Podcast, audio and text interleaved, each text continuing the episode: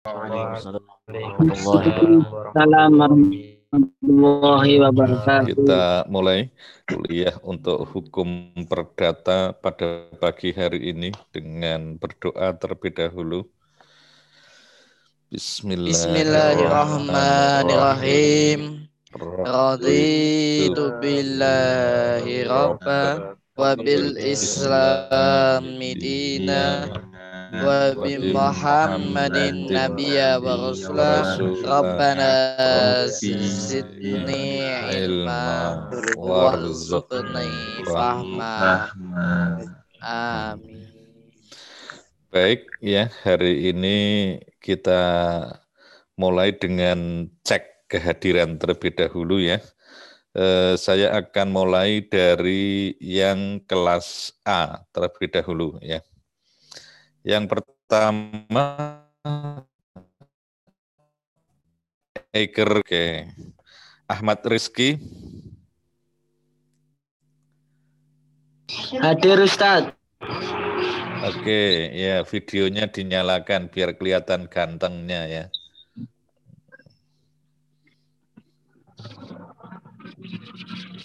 Nah, kan kelihatan. Kemudian Dimas Novaldi. Hadir Ustaz. Mana Dimas? Hadir. Ustaz. Ya, ya, ya. Fadil.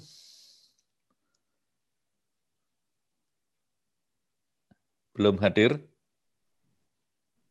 Belum ya? Sudah ada di room, Ustaz, tapi mungkin belum lagi, lagi kamar mandi barangkali. Oh, ya, ya. Oke, tapi sudah bergabung ya? Sudah, Ustaz. Ya, ya itu. Kadang-kadang kalau nggak kelihatan videonya, kadang bisa sambil tidur ditinggal pergi, tapi kayaknya bergabung gitu loh. Makanya kita biasakan eh, selalu dinyalakan videonya gitu ya. Eh, Habibur Rahman, Hadir Ustaz. ya, oke. Kemarin belum bisa bergabung ya. Nah Ustaz. Isa Anafi, Hadir Ustaz. oke. Kanugrahan sejati, Hadir Ustaz. Maulan Ilhamul Har- Hamdi,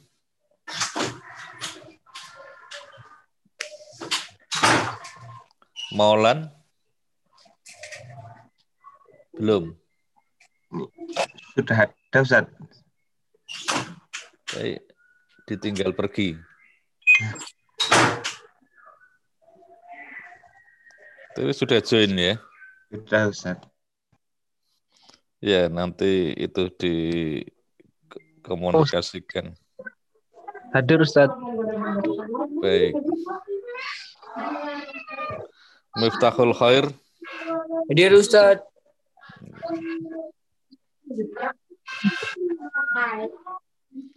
Ya tolong yang tidak sedang berbicara di off-kan speakernya biar tidak suara keluarga masuk ya. Miftahul Khair hadir Ustaz. Ya. Ridwan Furqani. Ridwan Furqani. Belum, Ridwan, hadir, Ustaz. tapi belum Ridwan. berbicara. Memang suka ini Ustaz. Dari Sulit kalau berbicara, sulit Ustaz. untuk berbicara. Mhm. Tapi untuk mendengarnya insya Allah bisa. Rifki Yuanda. Hadir Ustaz. Baik. Ya, berarti hadir semuanya ya. Hanya mungkin eh, ada yang belum langsung di hadapan eh, laptop atau handphone sehingga tidak menjawabnya. Baik, sekarang yang kelas B. Ahmad Hafidz Ardiansyah.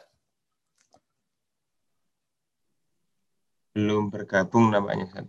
Belum ya. Ahmad Saidi. Belum juga. Ahmad Zakwan. Hadir Ustaz. Oke. Arman Nurdin. Hadir Ustaz. Badrut Tamam, Hadir Ustaz. Fawas Abdurrahman. Belum bergabung Ustaz. Belum ya. Muhammad Jihan Fadli. Hadir Ustaz. Ya. Moh Akmal. Hadir Ustaz. Muhammad Afan Al-Fikri. Hadir Ustaz. Oke. Muhammad Ghosan. Hadir Ustaz. Muhammad Nur Faizi. Hadir Ustaz. Muhammad Rausan. Hadir Ustaz. Rifan Aditya. Hadir Ustaz. Ya. Berarti yang belum bergabung masih tiga ya. Ahmad Hafid Ardiansyah, Ahmad Saidi, dan Fawas Abdurrahman ya. Nanti konfirmasi kalau sudah hadir ya.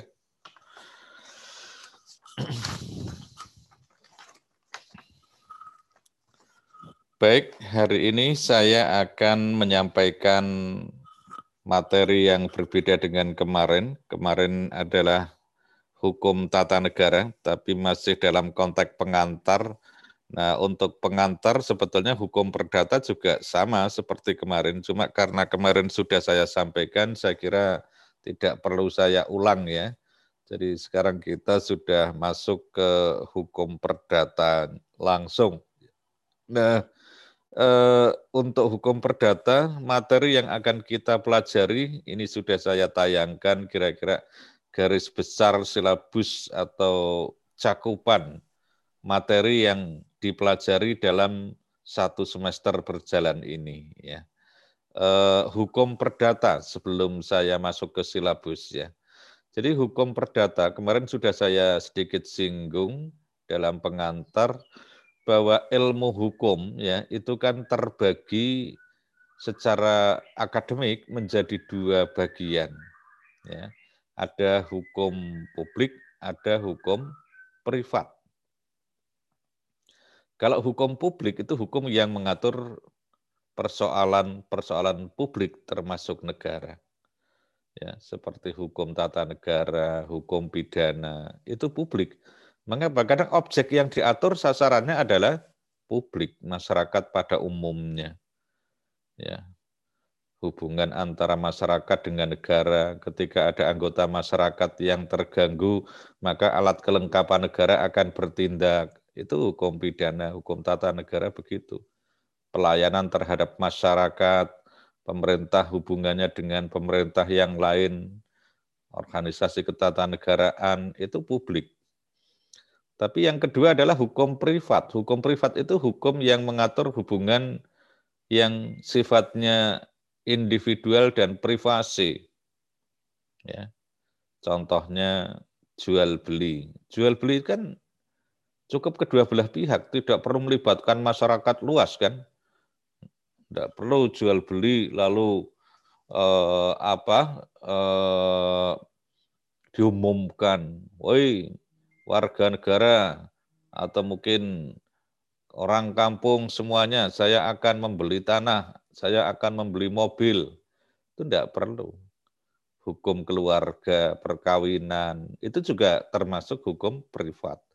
Karena mengatur hubungan-hubungan yang sifatnya privasi atau keperdataan bahasa hukumnya ya. Nah, eh, apa yang akan kita pelajari di dalam mata kuliah hukum perdata ini ya? Eh, pertama pengantar. Nanti kita akan memulai dengan pengertian hukum perdata sistematika atau pembagian hukum perdata ya jadi nanti hukum perdata ada penggolongan-penggolongannya mulai dari hukum tentang orang, hukum benda, hukum perikatan, ya, hukum waris, ya. Nah itu yang akan kita pelajari nanti termasuk itu. Ya. Kemudian sumber hukum perdata. Hukum perdata itu sebetulnya di dalam fikih muamalah ada yang mungkin saudara pelajari di dalam mata kuliah yang berbeda ya Akan tetapi eh, eh, eh, hukum perdata ini memang berbeda dengan hukum yang dikaji di dalam muamalah. Apa perbedaannya? Ya sumbernya ini. Kalau hukum perdata yang kita pelajari dalam mata kuliah ini hukum perdata umum.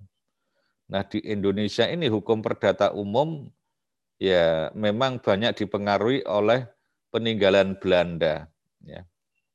Jadi mungkin sedikit saya singgung terkait dengan sumber hukum nanti ya bahwa secara kesejarahan, secara historicalnya ya nanti akan saya Eh, singgung karena kemarin belum sempat saya singgung ya. Baik, kemudian nanti berlakunya hukum perdata di Indonesia seperti apa? Apakah hukum perdata itu berlaku untuk semuanya atau ada hukum perdata yang berlaku untuk golongan masyarakat tertentu? Nah, sebelum saya lanjutkan ya di materi pendahuluan ini ya, nanti akan saya berbicara tentang sejarah hukum perdata di Indonesia bagaimana penerapannya dan berlakunya dari fase ke fase ya. Tapi ini karena masih silabus saya lanjutkan terlebih dahulu silabusnya ya. Kemudian nanti berikutnya adalah hukum tentang orang ya. Jadi orang itu kan merupakan subjek hukum dalam ilmu hukum. Subjek hukum itu nanti ada dua, ada orang, ada badan hukum. Ada person, ada reh person. Nah, orang ini termasuk yang dikaji sebagai subjek hukum dalam keperdataan. Nah, siapa yang dimaksud dengan orang sebagai subjek hukum, apa hak dan kewajibannya, ya, termasuk apa itu subjek hukum, kemudian catatan sipil, ya, keadaan tidak hadir atau domisili, ini nanti akan kita pelajari. Ya. Kemudian yang berikutnya nanti hukum keluarga. Ini yang sangat banyak digemari oleh mahasiswa biasanya ketika masuk kepada kajian hukum keluarga. Ya, siapa yang dimaksud dengan keluarga? Ya, kemudian baru masuk nanti ke hukum perkawinan. Nah, hukum perkawinan ini nanti tentu yang akan kita kaji adalah hukum perkawinan yang mengacu kepada undang-undang perkawinan di Indonesia yaitu Undang-Undang Nomor 1 Tahun 1974. Nah, alhamdulillah kita sebagai muslim di Indonesia sangat bersyukur bahwa hukum perkawinan ini merupakan satu bentuk menurut saya kemenangan umat Islam ya di dalam memperjuangkan bagaimana agar Islam itu secara sempurna diterapkan dalam hukum perkawinan. Maka nanti kalau kita sudah masuk ke bab ini akan kita kaji ya. Di dalam Undang-Undang Nomor 1 Tahun 74 ada pasal yang mengatakan bahwa sahnya perkawinan apabila dilaksanakan menurut hukum agamanya yang menikah tentunya ya. Nah, sehingga konsep perkawinan antara umat beragama yang satu dengan agama yang lain ada perbedaan-perbedaan. Misalnya di dalam konsep hukum perkawinan Islam, ya, karena memang untuk umat Islam menurut undang-undang perkawinan tidak boleh menikah kalau tidak sesuai dengan hukum Islam. Sehingga perkawinan yang tidak sesuai dengan hukum Islam maka tidak sah menurut undang-undang ini. Jadi undang-undang ini melegitimasi terhadap hukum agama yang dianut oleh setiap warga negara dalam hal melaksanakan perkawinan. Kalau kita sudah merasa sebagai muslim, ya taatilah hukum perkawinan agama Islam dalam hal pelaksanaan perkawinan. Misal perkawinan itu hanya bisa dilaksanakan untuk umat yang seiman. Nah, ini kan konsep hukum Islam. Tapi agama lain kan tidak mengatur hal itu. Mungkin agama lain membebaskan Anda mau kawin dengan sesama agama seiman atau tidak, tidak menjadi soal sepanjang sudah ada saling mencintai, ada kesepakatan, tidak ada unsur paksaan. Nah, itu tidak ada masalah. Tapi bagi umat Islam ini penting. Nanti kita bicarakan ya, ini kan baru persoalan silabus ya yang akan kita pelajari. mulai dari asas-asas perkawinan, sahnya perkawinan, syarat perkawinan, pencegahan dan pembatalan perkawinan. Ya, pendek kata, Anda kalau nanti masuk mau menghadapi pernikahan sudah ada bekal hukum perkawinan, paling tidak begitu ya. Tapi nanti nikahnya setelah selesai kuliahnya dulu, bekerja ya biar bisa mandiri hidupnya ya nanti baru masuk ke dunia pernikahan ya kalau bisa di program seperti itu ya. ya. Kemudian sampai akibat perkawinan, kemudian keturunannya bagaimana nanti, perkawinan antar agama, perkawinan campuran dan seterusnya ya.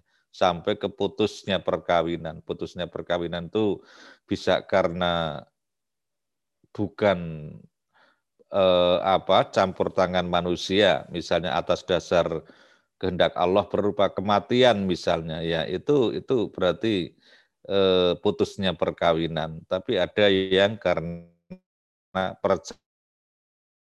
perceraian yang halal tapi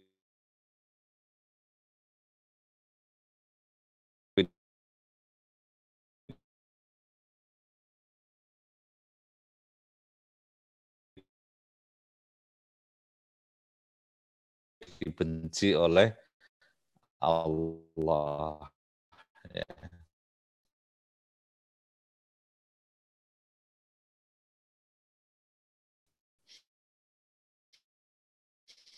Nanti akan dikaji motif dengan yang lain dalam hal tertentu perlu ada yang namanya perikatan. Jual beli di situ ada perikatan. Ya, suami istri itu juga ada perikatan. Ya. Nah, nanti akan kita kaji tentang hukum perikatan, baik itu yang bersumber karena undang-undang ataukah yang karena perjanjian. Ya, pendek kata nanti kalau ada yang berbicara tentang perjanjian, bagaimana cara membuat perjanjian yang benar dalam perspektif hukum perdata. Ya, paling tidak ketika kita misalnya akan kerjasama dalam bidang bisnis misalnya, permodalan bersama, nanti hak dan kewajibannya seperti apa, itu dituangkan dalam bentuk perjanjian. Atau mungkin kita mau pinjam uang dengan lembaga ekonomi, misalnya ke BMT atau ke bank-bank syariah misalnya. Maka orang yang akan meminjam dan dipinjami oleh bank itu pasti ada yang namanya akad, ya, akad atau perjanjian kredit kalau di dalam bank konvensional. Ya. Nah, nanti bagaimana aturannya? Kalau oke sudah sepakat, kamu saya pinjami, nanti dengan angsuran berapa tahun, tiap bulannya harus bayar berapa, kalau ada keterlambatan dan sebagainya bagaimana pengaturannya, itu sudah diatur semuanya di dalam akad eh, pembiayaan biasanya ya dengan konsep apakah musyarakah ataukah mudharabah dan lain sebagainya. Mungkin nanti di dalam uh, hukum ekonomi syariah akan dikembangkan ya. Semoga nanti di mata kuliah lain ada ya. Baik, kemudian yang berikutnya ini masih perikatan ya. Saya kira tadi sudah saya singgung mulai dari asas macam-macam perjanjian, dawan prestasi, ya, ada overmah dan lain sebagainya. Nah, kemudian nanti ya, ya ini karena perikatan bahannya cukup banyak sehingga nanti akan kita kaji lebih dalam lagi ya. Nanti yang paling banyak memang hukum keluarga dan hukum perikatannya. Saya kira itu materi eh, yang akan kita kaji di dalam hukum perdata.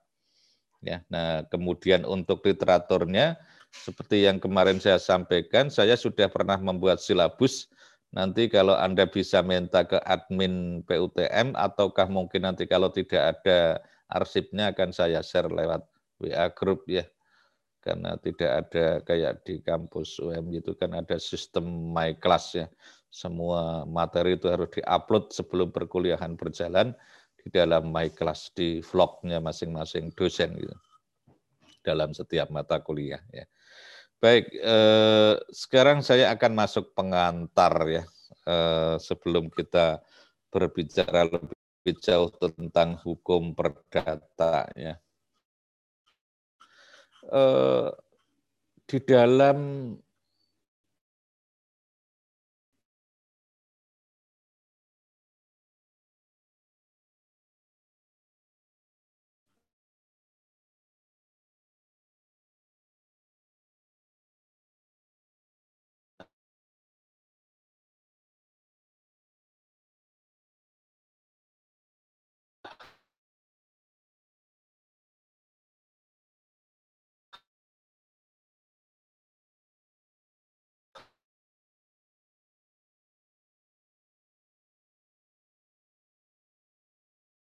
hukum Indonesia berapa tahun ya sangat lama sekali kalau menurut sejarah itu. Nah, kemudian selain Belanda ya dulu ada Jepang juga ikut menjajah sehingga waktu itu Belanda eh, tereliminir ya. Kemudian Jepang cuma tidak lama karena Belanda tidak ingin kehilangan wilayah jajahannya, akhirnya mengajak sekutunya ya, kemudian bisa menghalau lagi Jepang untuk mundur kembali. Nah, tapi terakhir Indonesia bisa merebutnya di penghujung tahun 45 itu akhirnya Indonesia sudah bisa merdeka dengan nama Negara Kesatuan Republik Indonesia.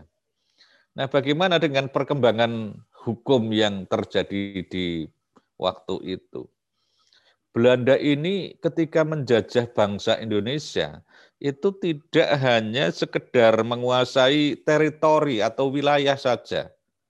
Kemudian hasil eh, buminya, hasil alamnya, mulai dari ya mungkin terutama yang terkait dengan rempah-rempah ya dulu kalau kita lihat dalam berbagai buku sejarah Indonesia ya oh, karena memang Indonesia kaya sekali hasil buminya ya terutama penghasil rempah-rempah. Nah Belanda ini kan wilayahnya kan sangat kecil sekali ya. Eh, bahkan kalau Anda mungkin membaca sejarah Belanda itu ya eh, luar biasa, wilayah yang sangat sempit, tapi bisa mempunyai satu power secara politik ketatanegaraan dalam dunia internasional luar biasa. Ya bahkan di sana eh, teritorinya eh, walaupun kecil tapi potensi secara industri, secara politik itu luar biasa. Ya.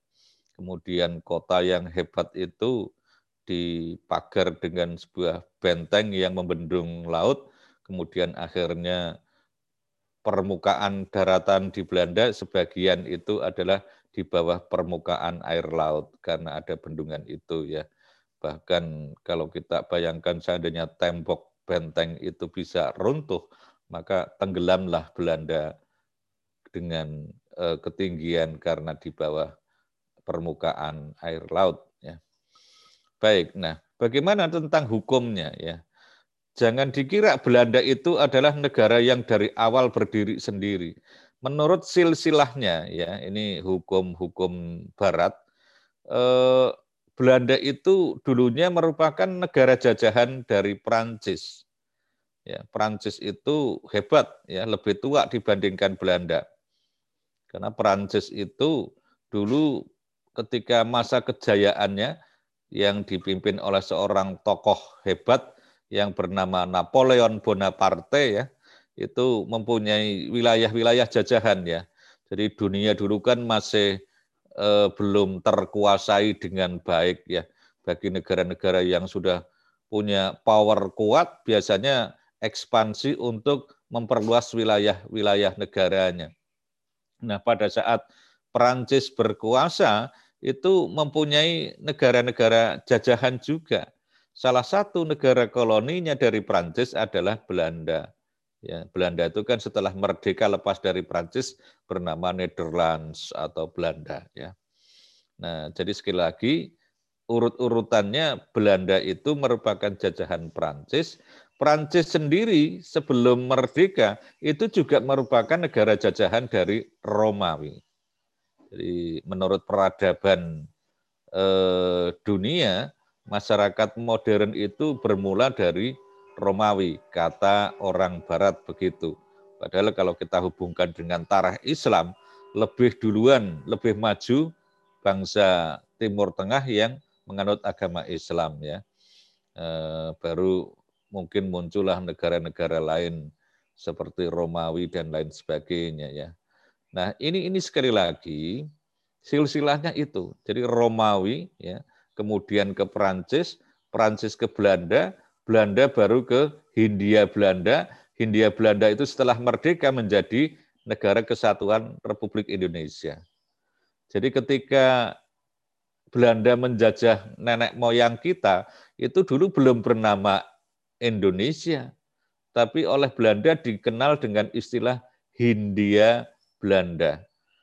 Bagian dari wilayah Hindia yang dikuasai oleh Belanda, sehingga dinamakan Hindia Belanda mulai dari Samudra Pasai ya sampai dengan berbagai kerajaan-kerajaan yang mencakup wilayah Nusantara kalau sekarang kita ya. Itu dulu Hindia Belanda yang menjadi kekuasaan Belanda. Nah, karena saking lamanya Belanda menguasai Hindia Belanda ya eh, ternyata tadi sudah saya katakan, Belanda tidak sekedar menguasai teritori dan menguasai hasil-hasil rempah-rempah dan pertanian yang lain yang sangat bermanfaat bagi Belanda. Kenapa rempah-rempah yang dibidik oleh Belanda? Karena di Belanda itu kan eh, secara geografis merupakan negara yang sangat-sangat dingin ya, sehingga mereka butuh eh, untuk konsumsi-konsumsi sebagai penghangat dalam keseharian mereka, salah satunya adalah bentuk rempah-rempah yang nantinya akan dibuat mungkin ekstrak untuk menjadi minuman, atau mungkin obat-obatan, atau mungkin bentuk lainnya.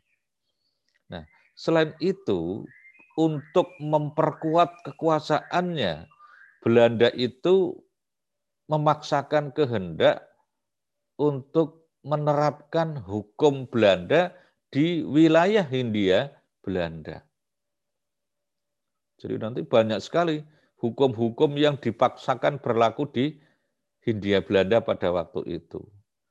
Tentu selain itu juga misionaris-misionaris agama Nasrani, karena Belanda itu adalah penganut Nasrani ya, maka tidak heran kalau di daerah-daerah yang pada waktu itu dikuasai sebagai pusat kekuasaan dari Belanda, maka di situlah potensi untuk pengembangan agama Nasrani cukup kuat. Ya, misalnya kita ambil contoh, tidak usah jauh-jauh dari Jogja lah ya, salah tiga. Itu ada yang dari salah tiga enggak ya? Ada? Enggak ada ya. Di salah tiga, kalau Anda nanti mungkin masuk dari Yogyakarta ke arah Magelang, Magelang mungkin ke timur, nanti lewat Kopeng. Nah, sebelum masuk Salatiga, di sana kompleks ada istilahnya kampung gereja putih yaitu ya. Nah, di situ dulu Belanda ketika melawan bangsa kita pribumi, terutama yang terkenal dengan Ambarawa ya, Palagan Ambarawa, itu ada perang pada waktu itu ya markas Belanda itu ada di Salatiga. Maka kalau Anda mungkin datang ke Salatiga, banyak gedung-gedung peninggalan kuno yang dibangun oleh Belanda. Yaitu salah satunya di luar kota Salatiga yang mau masuk ke Kopeng itu ya sebelum tol ya kalau sekarang itu itu ada di sana yang namanya Kampung Gereja Putih ya eh salib putih maaf ya, salib putih itu. Yaitu komplek Nasrani yang dibangun sejak zaman Belanda ya. Kemudian salah satu bangunan-bangunan yang sekarang dimanfaatkan oleh orang-orang Nasrani ya salah satunya adalah perguruan tinggi yang cukup beken di Salatiga yaitu Universitas Satya Wacana ya. Itu juga kampusnya kalau Anda masuk ke sana masih ada bangunan-bangunan kuno yang dibangun oleh Belanda pada waktu itu ya kemudian dimanfaatkan diabadikan sebagai kampus Satya Wacana. Jadi Satya Wacana itu kan yayasan Nasrani yang mendirikan lembaga pendidikan. Dan di sana Salatiga itu kan banyak ya tokoh-tokoh Nasrani ya, bahkan mungkin ketika pilkada pun Nasrani menjadi cukup kuat, PDI juga menjadi kuat di sana ya. Misalnya siapa itu keluarganya artis Roy Martin ya itu ya. Itu juga Nasrani dari Salatiga itu ya. Nah, ini ini ini ini sebagai bukti contoh bahwa Belanda itu pada waktu menjajah Hindia Belanda tidak hanya sekedar menguasai secara fisik wilayah-wilayah atau teritorial Hindia Belanda, tapi juga tampil itu tadi mengembangkan misionaris agama. Jadi yang membawa Nasrani ke Hindia Belanda itu ya orang-orang Belanda pada waktu itu akhirnya di daerah-daerah ya suburlah Belanda eh, ya kalau di Yogyakarta mungkin juga masih ada ya tapi tidak sekuat kayak di daerah Salatiga ataukah mungkin di Indonesia Timur seperti Ambon ya. Eh, itu itu Nasrani cukup kuat banget di Ambon ya. Itu bahkan kalau kita lihat saudara-saudara kita orang Ambon banyak yang secara fisik wajahnya keturunan-keturunan kebelanda-belandaan ya. Hidungnya mancung-mancung kulitnya putih-putih rambutnya agak ke pirang-pirangan ya itu walaupun sekarang banyak yang muslim ya tapi fishnya orang-orang Ambon asli kebanyakan mirip-mirip ada Belanda karena memang Belanda pada waktu itu di sana cukup lama sekali ya sehingga banyak orang pribumi yang eh, dinikahi entah itu nikahnya sah atau tidak kita tidak tahu ya oleh Belanda. Akhirnya ya keturunannya banyak seperti orang Belanda ya. Misalnya ada Terah Marasa Besi itu misalnya. Walaupun Terah Marasa Besi sekarang mayoritas adalah Muslim ya. Tapi eh, eh, eh, di situ agama Nasrani cukup kuat di Ambon itu ya. Oke, selain itu tadi kita berbicara hukum. Hukum apa saja yang dibawa Belanda pada waktu itu. Salah satunya adalah hukum perdata. Nah, hukum perdata oleh Belanda waktu itu yang menjadi dipaksakan diterapkan di wilayah Hindia Belanda, Indonesia sebelum merdeka, namanya BW ya. BW singkatan dari Bergerlijk Wetboek ya. Besok kita bahas ya. Bergerlijk Wetboek bahasa Belanda ya.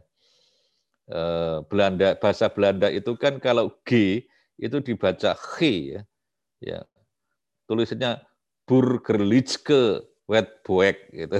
Kalau tulisannya begitu tapi bacanya Bergerlijk Wetboek ya. Itu nanti berisi tentang kitab undang-undang hukum perdata yang sampai sekarang masih berlaku di Indonesia setelah merdeka. Nah, nanti apa? sejarahnya. Kenapa kok Indonesia menganut hukum Belanda? Nanti akan kita bahas. Ini sedang kita mulai. Nah, selain BW, ada hukum pidana. Eh, hukum pidana sudah nempuh belum ya? Belum? Belum. Oke, mungkin semester besok ya hukum pidananya. Nah, hukum pidana itu namanya WVS. WVS, Wetbook van Strafrecht Ya, itu sampai sekarang masih berlaku di Indonesia. Namanya Kitab Undang-Undang Hukum Pidana, KUHP. Jadi ada KUHP pidana, ada KUH perdata. Kalau yang KUH perdata yang sekarang kita pelajari adalah BW. Ya, kalau orang Sunda susah ngomong BW. Biasanya kalau ngomong BW itu bewek gitu ya. Nah, selain KUH Perdata dan KUH Pidana, kalau KUH Pidana tadi namanya WVS, Wetbook van Strafrecht, ada juga WVK, Wetbook van Kophandel, itu untuk Kitab Undang-Undang Hukum Dagang. Kemudian ada lagi ya HIR, itu untuk hukum acara pidana dan acara perdata. HIR itu singkatan Head Hussein Inlands Rahlemen ya tulisannya reglemen tapi bacanya reglemen ya. Jadi G itu dibaca G ya. Tapi kalau nama benda ya enggak usah eh, apa dirubah-rubah itu kan hanya kata yang bukan selain kata benda. Kalau G menjadi G ya, berherlek wetbook ya, reglemen Nah, itu Algemen Bipalingen. Kalau selamat pagi, kalau English itu kan good morning. Kalau Belanda, Goeiemorgen. Gitu. Nah, tapi kalau misalnya nanti ada kata benda, misalnya di Yogyakarta kan terkenal ada makanan gudeg. Kalau gudeg walaupun orang Belanda tetap ngomongnya ya gudeg, jangan menjadi dirubah menjadi gudeg itu kan nggak perlu ya itu ya. Nanti tidak setiap huruf G itu berubah menjadi G, G ya. Nah, itu untuk selain kata benda. Kalau kata benda ya G ya G, gedung ya gedung, masa gedung gitu loh. Nah, kemudian gudeg itu nggak perlu kayak gitu. Gudeg ya gudeg ya. Wah, ini karena bahasa Belanda kita jangan ngomong gudeg tapi hudeg gitu. Nggak perlu kayak gitu itu lebay namanya ya. Eh, baik. Nah, itu di antaranya ada HIR, ada BW, ada WVS, ada WVK. Nah, dan masih banyak yang lain aturan-aturan yang oleh Belanda ketika menjajah bangsa kita sebelum merdeka itu diterapkan hukum-hukum mereka. Nah, maka mereka pada waktu itu ketika menjajah yang terkenal itu adalah menerapkan politik divide et impera, memecah belah. Jadi masyarakat kita dipecah, mana yang mau ngikut kami menjadi pengikut hukum Belanda, ya, mana yang memang akan bertahan dengan hukum adat yang berlaku di masyarakat Hindia Belanda pada waktu itu. Nah, nanti kalau dalam Fakultas Hukum ada PIH membicarakan itu.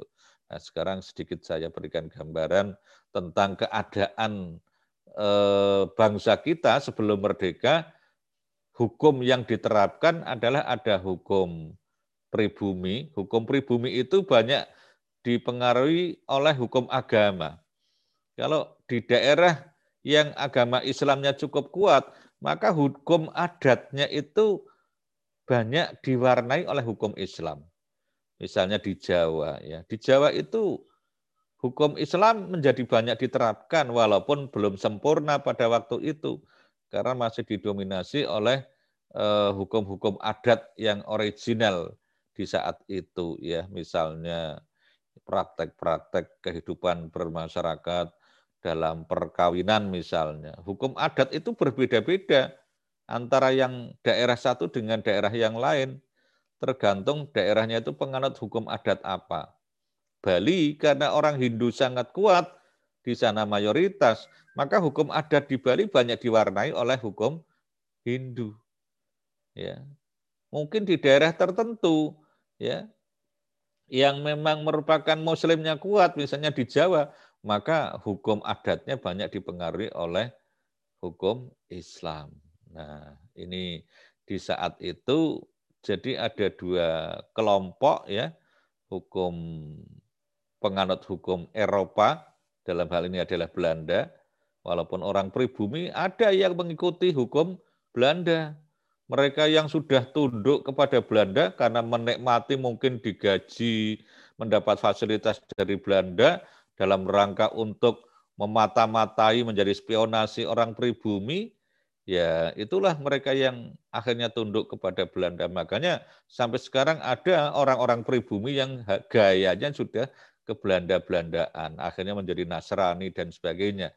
Nah, tapi kalau yang masih bertahan dengan ke muslimannya, ya itulah yang nanti menjadi tokoh-tokoh pahlawan bangsa kita ya. Oke. Nah, singkat cerita seperti itu keadaannya. Kemudian sampailah di Indonesia Merdeka. Indonesia Merdeka itu di dalam dokumen sejarah adalah tanggal 17 Agustus tahun 1945. Nah, tentu untuk Indonesia menjadi merdeka, kalau Anda baca dokumen-dokumen kesejarahan berdirinya negara Indonesia, itu ada persiapan-persiapan kemerdekaan yang harus dipersiapkan untuk memenuhi syarat sebagai negara yang merdeka. Syarat-syarat negara merdeka itu kan pertama harus ada teritori atau wilayah. Yang kedua harus ada kekuasaan pemerintahan. Yang ketiga adalah harus ada warga negara atau penduduknya. Kemudian tidak kalah pentingnya adalah sistem hukumnya. Nah, pada waktu itu ya karena Indonesia memperoleh kemerdekaan itu tidak gratisan tapi karena merebut dari penjajah ya menurut sejarah apa yang dipersiapkan oleh panitia persiapan kemerdekaan yang mungkin dulu pernah Anda kenal dengan BPUPKI, ada PPKI ya, panitia persiapan kemerdekaan Indonesia ya. Kemudian lahirlah proses dasar negara ya yang menjadi ideologi negara yang kita kenal dengan Pancasila.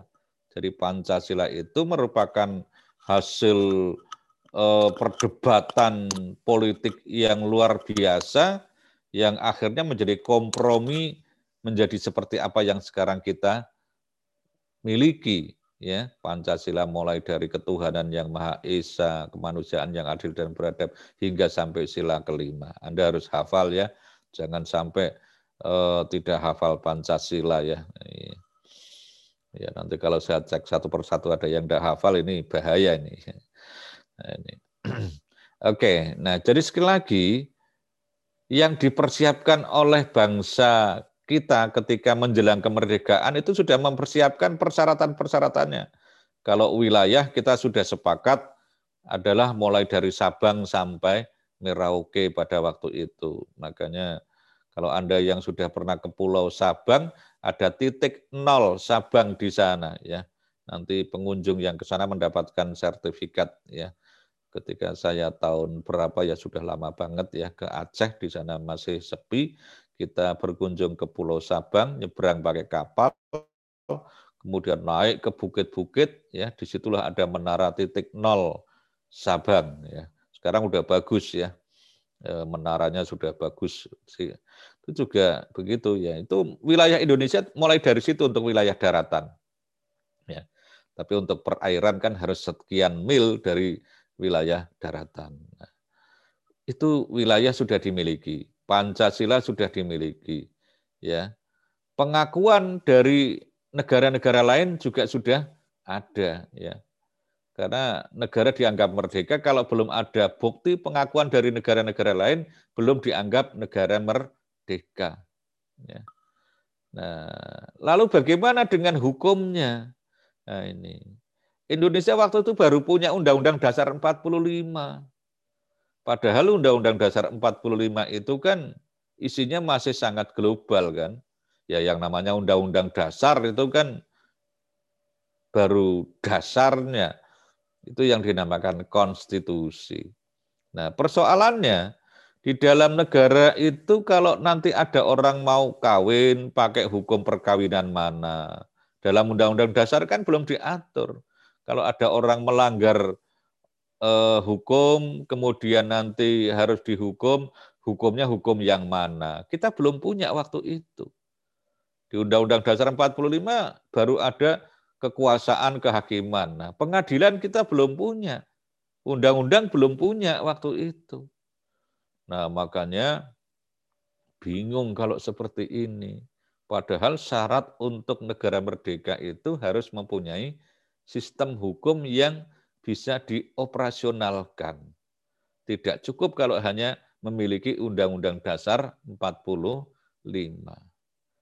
Akhirnya apa yang dilakukan oleh funding fathers kita, tokoh-tokoh negarawan kita, ya, yang salah satunya adalah tokoh-tokoh Muslim dari kalangan Muhammadiyah ya Ki Bagus Hadi Kusumo misalnya itu ya itu kan salah satu negarawan yang hebat banget dalam merumuskan Pancasila ya. Itu. Nah, kemudian para negarawan kita di saat itu berpikir sangat cerdas sekali. Bagaimana agar kita diakui oleh dunia, kita harus punya sistem hukum. Oke lah, jangan malu-malu.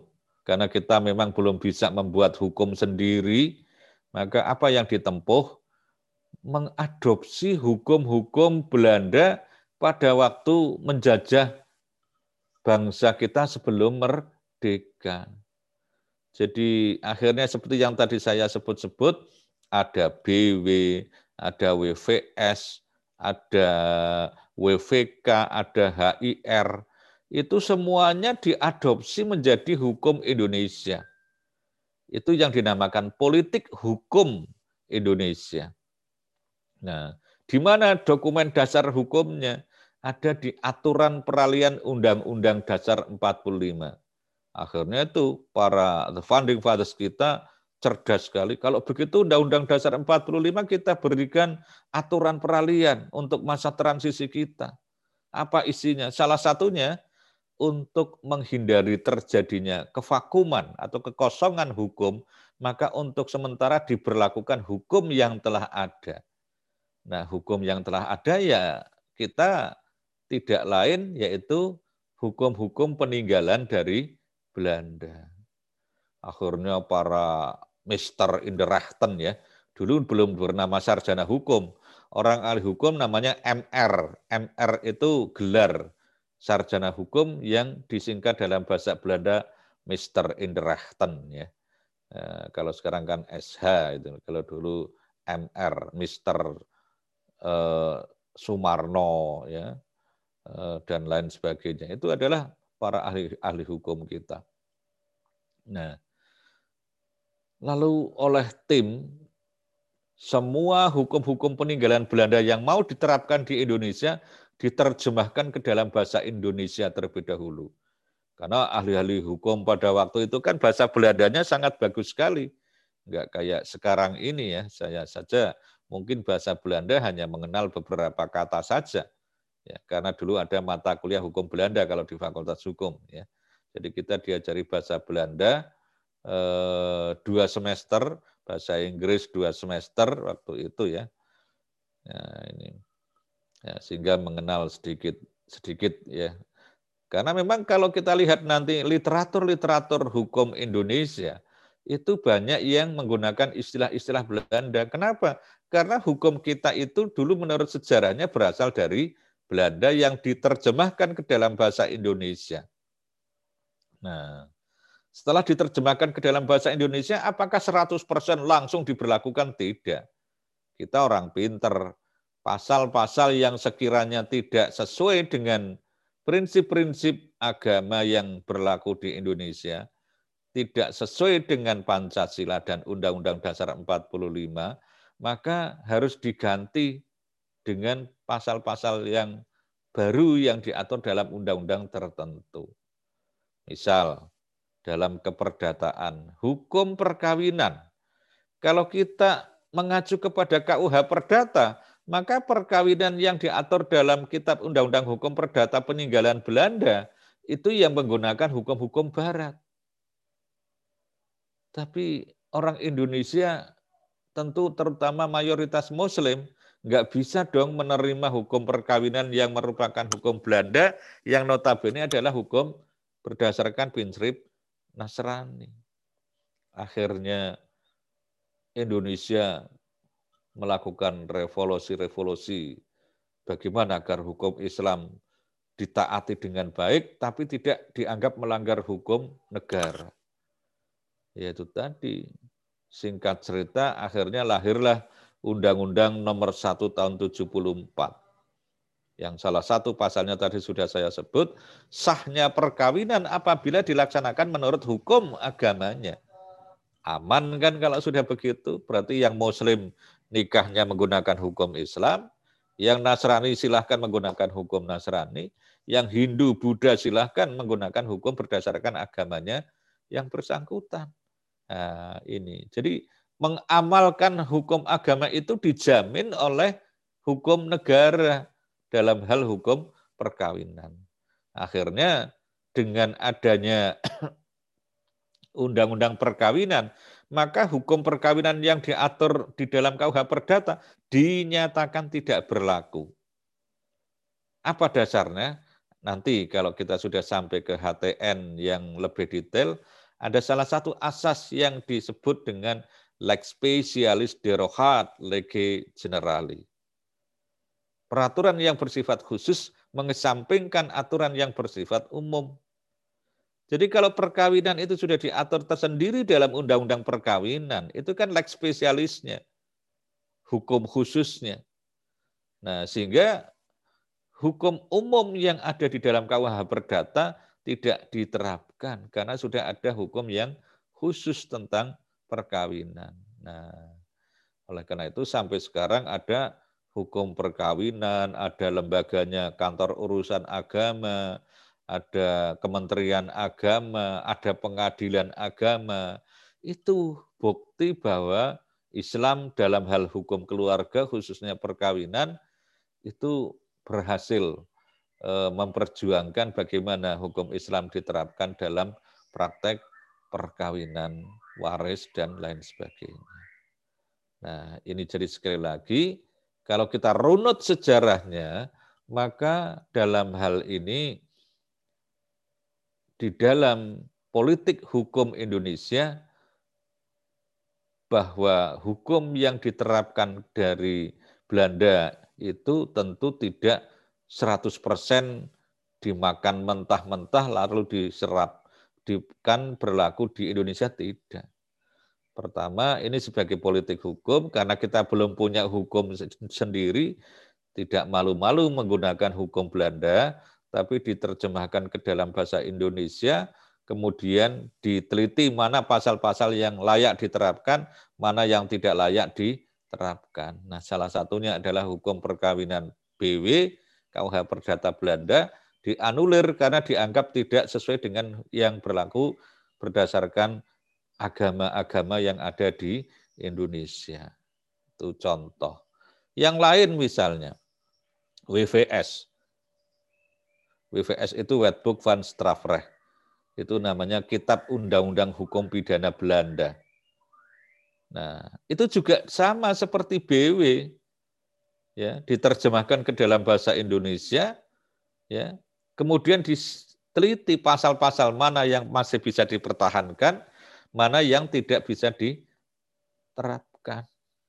Akhirnya setelah jadi, disempurnakan, baru tahun 46 hukum Indonesia mengakui dan memperlakukan kitab Undang-Undang Hukum Pidana Belanda yang sudah diterjemahkan dalam bahasa Indonesia dan sudah diteliti mana pasal yang perlu diperlakukan dan mana yang tidak perlu diperlakukan. Jadi tidak secara automatically terjemahkan bahasa Indonesia langsung berlaku, tidak. Tapi diteliti mana yang masih bisa diterapkan. Sampai sekarang KUHP itu masih berlaku di Indonesia. Namanya Kitab Undang-Undang Hukum Pidana yang berlaku berdasarkan Undang-Undang Nomor 1 Tahun 46.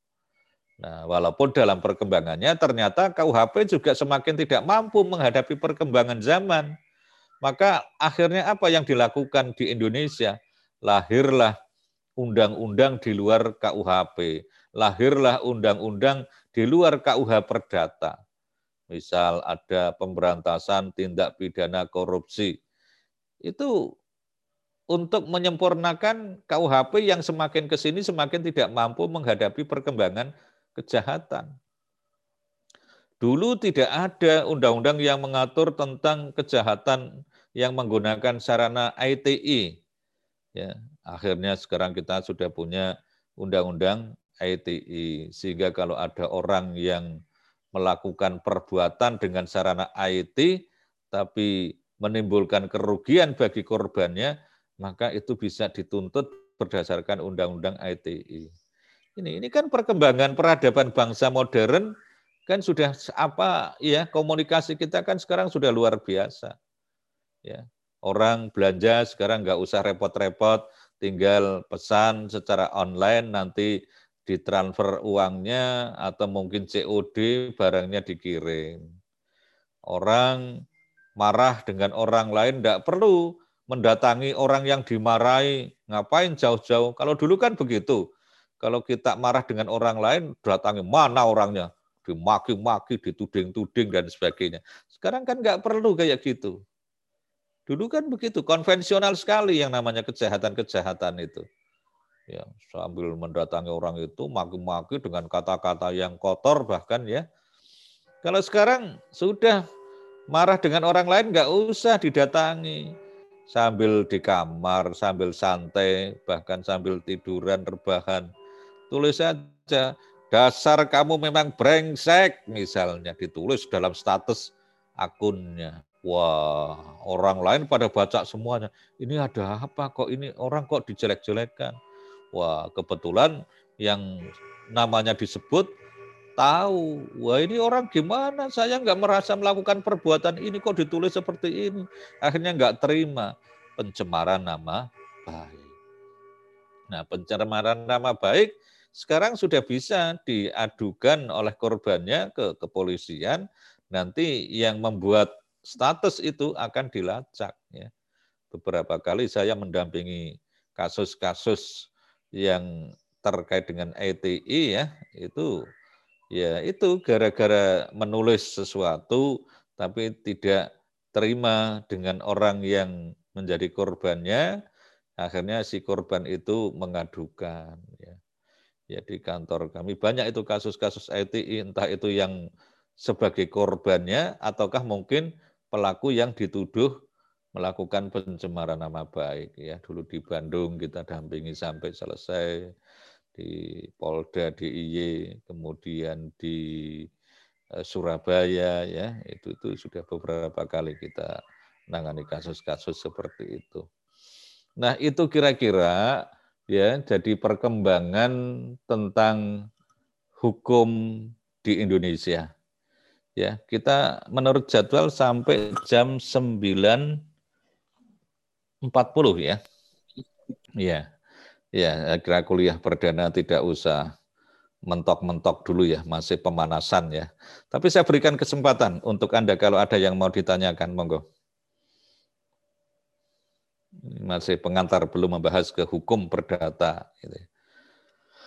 Baru sejarah perkembangan hukum Indonesia. Silahkan kalau ada ya. Ustaz. Ya. Afan. Berarti hukum perdata ini termasuk hukum warisan dari Belanda, Ustaz? Ya, jadi di dalam hukum waris, eh, sistem hukum Indonesia itu memberikan opsi. Ya, eh, awalnya begitu. Jadi bagi yang beragama Islam, ya menerapkan waris Islam. Bagi yang non-Islam, silahkan menurut hukum agamanya mereka, termasuk perkawinan. Nah, jadi sekarang ini kalau ada sengketa waris dalam satu keluarga misalnya ya, itu yang berwenang mengadili adalah pengadilan agama. Itu harus Islam ya. Tapi kalau untuk yang non-Islam termasuk perceraian misalnya ada non-Islam kok bercerai, itu di pengadilan negeri. Karena hukumnya yang diterapkan bukan hukum Islam, tapi hukum umum, perdata barat. Tapi kalau untuk muslim, cerai, waris, ya, sengketa perekonomian itu menjadi kewenangan pengadilan agama. Karena hukum yang diterapkan dalam kasus waris maupun hukum perkawinan, perceraian itu menggunakan hukum Islam. Jadi begitu. Ya. Kalau yang ini, Sat, yang kemarin kan banyak demo-demo itu, kasus KUHP, Ustaz kan ada pro, pro dan kontranya. Iya. Itu kok itu kan produk negara sendiri. Kok hmm. ada pro kontranya juga, Sir. Oh, iya. Apakah juga warisan kolonial? Iya, jadi bukan persoalan kolonial atau pribuminya ya. Yang menjadi persoalan di rancangan KUHP kemarin itu kan eh, apa ya eh, banyak pasal-pasal yang sebetulnya tidak sesuai untuk diterapkan di Indonesia tapi mau dipaksakan oleh DPR untuk diterapkan. Salah satu contohnya adalah tentang asas legalitas dan asas non retroaktif. Nanti dalam hukum pidana saudara akan dijelaskan ya asas tidak berlaku surut ya. Jadi undang-undang itu kan nggak boleh berlaku surut. Misalnya diundangkan tanggal 1 Januari 21 misalnya. Itu berarti peristiwa yang terjadi sebelum 1 Januari tidak boleh diberlakukan dengan undang-undang yang baru itu. Karena undang-undang itu hanya berlaku untuk yang kemudian peristiwa yang terjadi setelah undang-undang itu lahir. Nah, ini ada kepentingan-kepentingan politik ya. Jadi dulu itu kan ada pelanggaran-pelanggaran HAM yang dilakukan oleh penguasa ya. Misalnya kasus Trisakti, mahasiswa yang sampai pada terbunuh ya, yang demo-demo itu ditembaki oleh uh, militer ya, oleh polisi ya. Uh, kemudian itu banyak yang belum diungkap kasusnya. Nah, apakah kasus-kasus seperti itu nanti masih bisa diadili dengan undang-undang yang baru atau tidak? Nah, selama ini undang-undang tentang HAM dan pengadilan HAM itu diatur di dalam di luar KUHP. Ya. Nah, undang-undang HAM dan pengadilan HAM itu tidak sama dalam penerapan asas non retroaktif seperti halnya untuk KUHP. Kalau KUHP berlaku tidak boleh berlaku surut. Nah, kalau masalah HAM pelanggaran HAM berat ini tunduk pada KUHP berarti berlaku non retroaktif, tidak boleh berlaku surut. Artinya nanti orang-orang yang melanggar HAM itu tidak bisa diadili berdasarkan undang-undang HAM yang baru seandainya undang-undang HAM itu masuk ke dalam pasal-pasal KUHP. Nah, ini terjadi pro kontra. Kemudian akhirnya para tim perumus KUHP menjadi pecah. Ada yang berpendapat jangan dimasukkan KUHP, biar di luar KUHP saja, biar nanti bisa membongkar kasus-kasus pelanggaran HAM yang tahun-tahun sekian waktu yang lalu sudah terjadinya. Sehingga boleh berlaku surut. Karena Undang-Undang HAM itu menyimpang dari asas non retroaktif, asas tidak berlaku surut, boleh berlaku surut.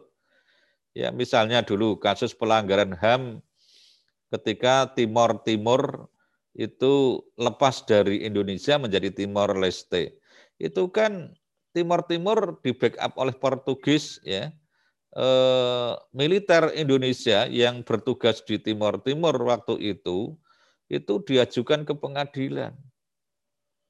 Nah, padahal kita belum punya undang-undang HAM dan pengadilan HAM.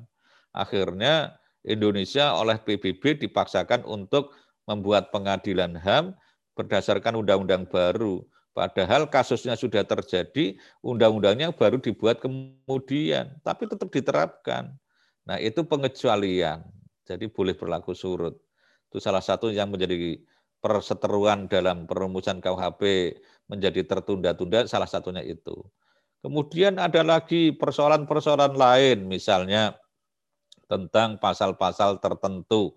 Eh, apa yang dimaksud dengan zina ya zina itu kalau menurut KUHP lama ya itu kan hanya orang yang berhubungan di luar pernikahan yang kedua pelakunya atau salah satunya sudah punya pasangan istri atau suami yang sah. Misal saya sudah punya istri yang sah. Saya berbuat dengan perempuan lain yang bukan istri saya yang sah, itu saya zina. Tapi kalau gadis dan jejaka yang melakukan karena masih belum punya pasangan, itu menurut KUHP tidak termasuk zina. Nah, para perumus KUHP karena banyak orang Islam akhirnya menyempurnakan, menyempurnakan agar pengertian zina termasuk laki-laki dan perempuan yang masih belum menikah itu seandainya hubungan di luar perkawinan yang sah termasuk zina. Itu kan eh, sedikit-sedikit memasukkan nilai-nilai Islam ke dalam rumusan KUHP. Ini pro kontra, belum pasal-pasal yang lain ya tentang perkosaan, tentang perzinahan, ya, kemudian tentang nikah siri dan sebagainya. Ini nanti apakah mau dipidana atau tidak? Ya, kalau nikah siri itu kan secara hukum kan belum dianggap terjadi perkawinan. Nah, kalau mereka melakukan hubungan suami istri karena tidak punya buku di KUA tidak didaftarkan, apakah itu termasuk zina? Nah, ini persoalan kemarin menjadi perdebatan-perdebatan panjang ya, eh, mau diperketok tapi masih ada komplain-komplain karena masih ada perdebatan. Itu masih banyak hal-hal yang diperdebatkan kemarin. Saya hanya mengambil contoh-contoh saja itu ya. Jadi begitu ya. Ada lagi yang lain? Tentang hukum perdata ya yang kita bahas ya. Karena kalau masalah pidana tadi nanti dalam hukum pidana, jangan belok-belok nanti ya. Masih ada? Oh ya, tadi yang belum join dari kelas B sudah masuk belum ini? Ahmad Hafid? Belum. Ahmad Hafid apakah sudah hadir? Sudah bergabung tapi tidak eh, ada suaranya. Seth. Oh begitu, ya mungkin ditinggal pergi ke mana, mungkin makan ataukah jangan-jangan tidur ya. Oke lah, saya anggap hadir ya, mestinya. Kemudian Ahmad Saidi. Hadir Ustaz. Oke. Fawas Abdurrahman. Tidak ada. Tidak ada ya, berarti tidak hadir ya. Fawas Abdurrahman ya. Kalau yang kelas A sudah hadir semuanya ya. Baik, kalau memang sudah tidak ada pertanyaan ya, saya kira untuk kuliah hukum perdata pertama kali ini ya, eh, saya anggap cukup. Insya Allah nanti kita lanjut di pertemuan Ahad mendatang ya. Semoga kita bisa ketemu lagi.